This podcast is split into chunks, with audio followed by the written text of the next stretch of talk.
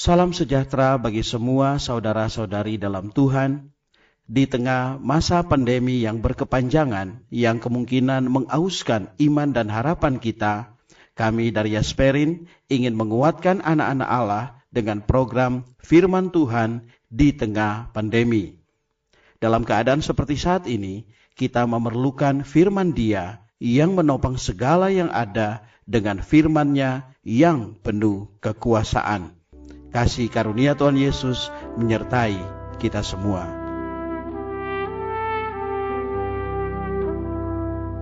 Saudara-saudari yang dikasih oleh Tuhan Yesus Kristus, selamat berjumpa kembali di dalam program Arus Hayat Voice.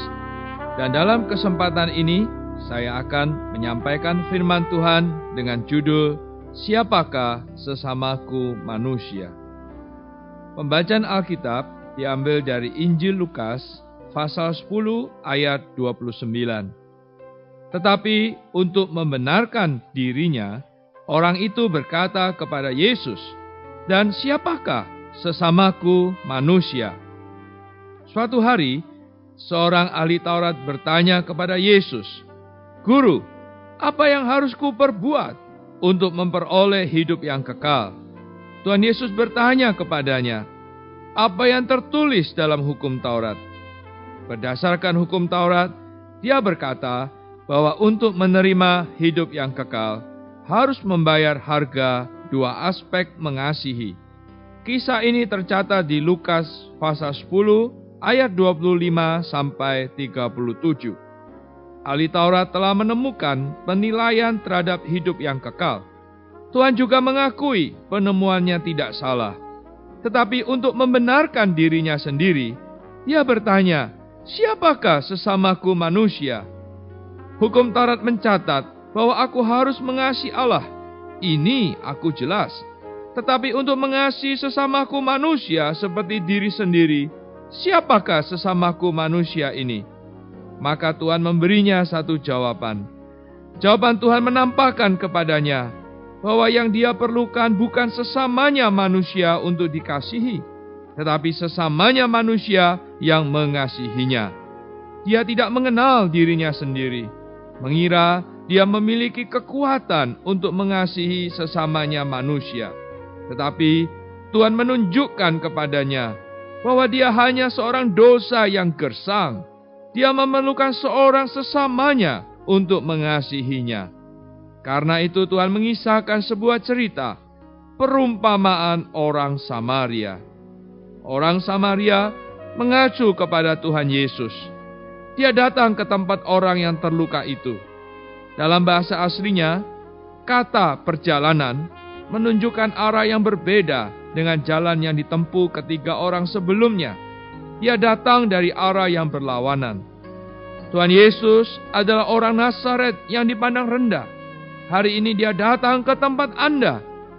Hati Tuhan Yesus tergerak oleh belas kasihan. Tuhan Yesus menuangkan minyak dan anggur atas luka-lukanya. Minyak di sini mengacu pada Roh Kudus dan anggur mengacu pada hayat dan darah. Tuhan Yesus digerakkan oleh belas kasihan. Terlebih dulu dengan Roh Kudus, menerangi, menggerakkan, menghibur, kemudian menuangkan anggur. Anggur terbuat dari sari anggur. Sari anggur adalah darah anggur, juga adalah hayat anggur. Jadi anggur di sini melambangkan darah Tuhan dan hayat Tuhan. Minyak membuat Anda mendapatkan pendirisan. Anggur membuat Anda mendapatkan kesembuhan dan kekuatan. Dia menaikkan orang itu ke atas keledai tunggangannya. Keledai di sini melambangkan cara Tuhan bekerja di bumi. Naik tunggangannya berarti berperilaku dalam cara Tuhan Yesus bekerja, melayani Allah seperti orang Nazaret yang rendah hati itu. Kemudian Tuhan membawanya ke tempat penginapan. Tempat penginapan mengacu kepada gereja. Dari atas bumi, gereja adalah tempat penginapan agar manusia mendapatkan suplai. Tuhan mengeluarkan dua dinar dan memberikannya kepada pemilik penginapan itu untuk merawat orang itu.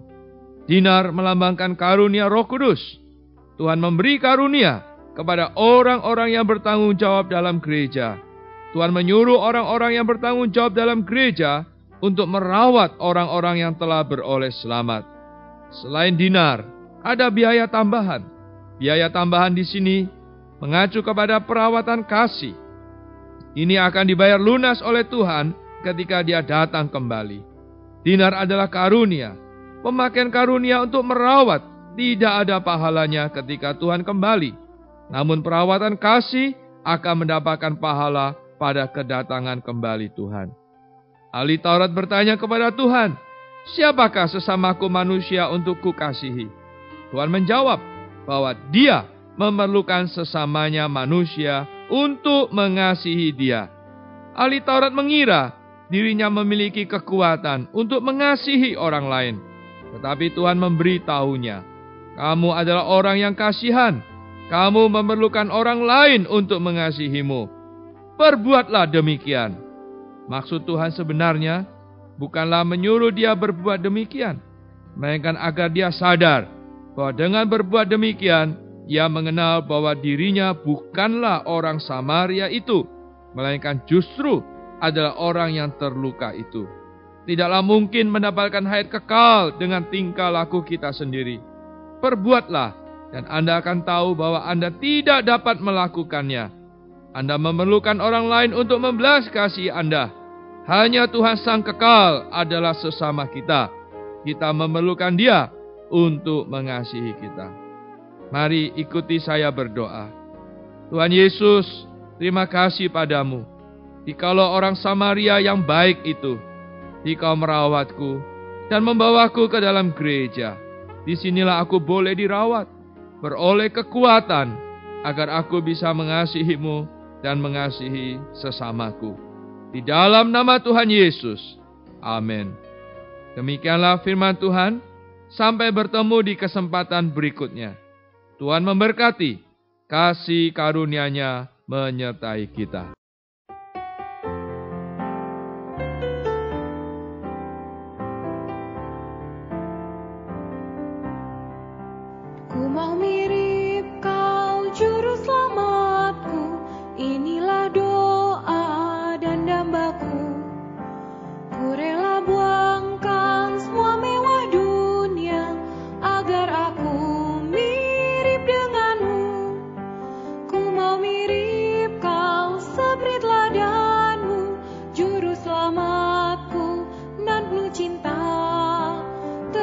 my